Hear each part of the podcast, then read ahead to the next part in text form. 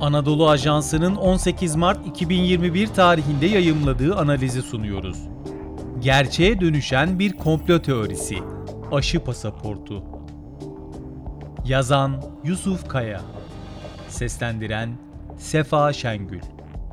Bir yılı aşkın süredir günlük rutin yaşamımızdan genel alışkanlıklarımıza kadar hayatımızın her alanında mecburi değişikliklere bizleri maruz bırakan yeni tip koronavirüs salgını, şimdi de seyahat için sağlık durumumuzu gösteren ikinci bir pasaportla bizleri tanıştırmaya hazırlanıyor.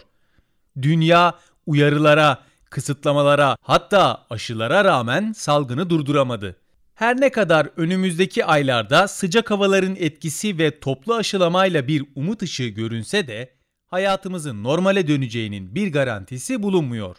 Salgından sosyoekonomik açıdan önemli ölçüde etkilenen Avrupa Birliği, turizm odaklı ekonomiye sahip bazı üyelerinin ısrarlı baskısına dayanamayıp en azından seyahatlerin serbestçe yapılabilmesi için kimilerinin yakın zamana kadar komplo teorisi olarak gördüğü aşı pasaportunu devreye alma kararı verdi.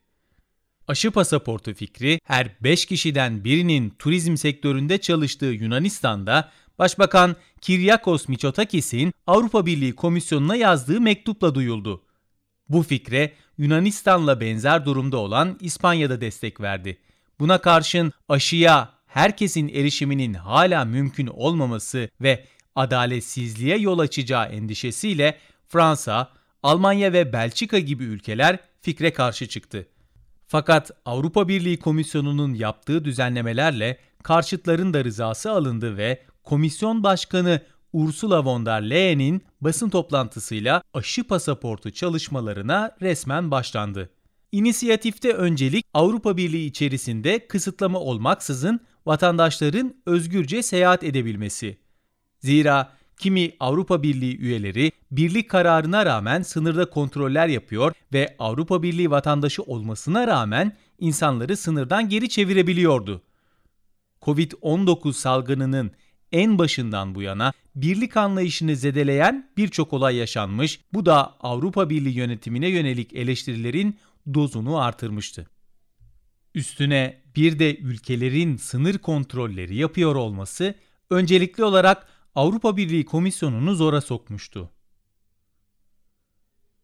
Aşı pasaportunda hangi bilgiler olacak? Her ne kadar adı aşı pasaportu veya aşı sertifikası olsa da QR kodlu dijital veya kağıt şeklinde olacak belgelerde kişilerin COVID-19 aşısı olup olmadığı, olduysa nerede ve hangi aşıyı olduğu, hastalığı geçirenlerin iyileştiği, antikor seviyesi ve COVID-19 PCR veya hızlı antijen test sonucu da yer alacak. Birlik beklendiği üzere Avrupa Aşı Ajansı'nın onayladığı aşıları otomatik olarak kabul ediyor. Bunlar Pfizer-BioNTech, Moderna, AstraZeneca ve Johnson Johnson. Ancak Avrupa Birliği içerisinde Macaristan ve Slovakya'nın Çin ve Rus aşılarını kullandığı, İtalya ve Çekya'nın da bu aşılara kapı araladığı biliniyor. Nitekim Avrupa Birliği 4 batılı şirket dışındaki ülkelerden gelen aşıların kabulünü üyelere bıraktı. Aşı pasaportunun Haziran ayında kullanılmaya başlanması öngörülüyor. Lakin Avrupa Birliği'nin COVID-19 salgını sürecinin tüm safhalarındaki başarısızlığı aşı sertifikasının zamanında yetiştirilmesi ve sürecin yönetilmesine dair soru işaretlerini beraberinde getiriyor.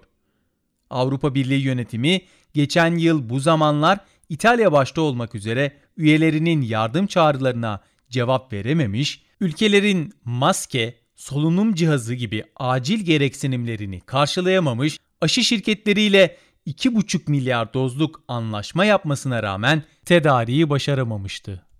Avrupa'da kimi ülkeler 3. dalga korkusu yaşarken aşı pasaportu sürecinin de iyi yönetilememesi durumunda Avrupa Birliği yönetimi için bir üçüncü eleştiri dalgası kaçınılmaz olacaktır. Aşı pasaportu Avrupa Birliği dışındaki ülkeleri nasıl etkiler?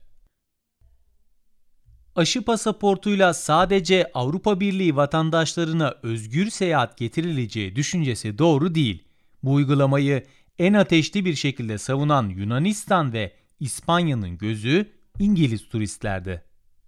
Komisyon çözemediği her sorunda olduğu gibi burada da inisiyatifi ilgili Avrupa Birliği üyesine bırakıyor. Her ülke mümkünse aşı yoksa da negatif PCR testi sonucuyla Avrupa Birliği dışından gelenleri kabul etmeye devam edecektir. Mevcut uygulamada olduğu üzere üyeler yüksek riskli bölgelerden gelen ülkelere kısıtlama getirebilir.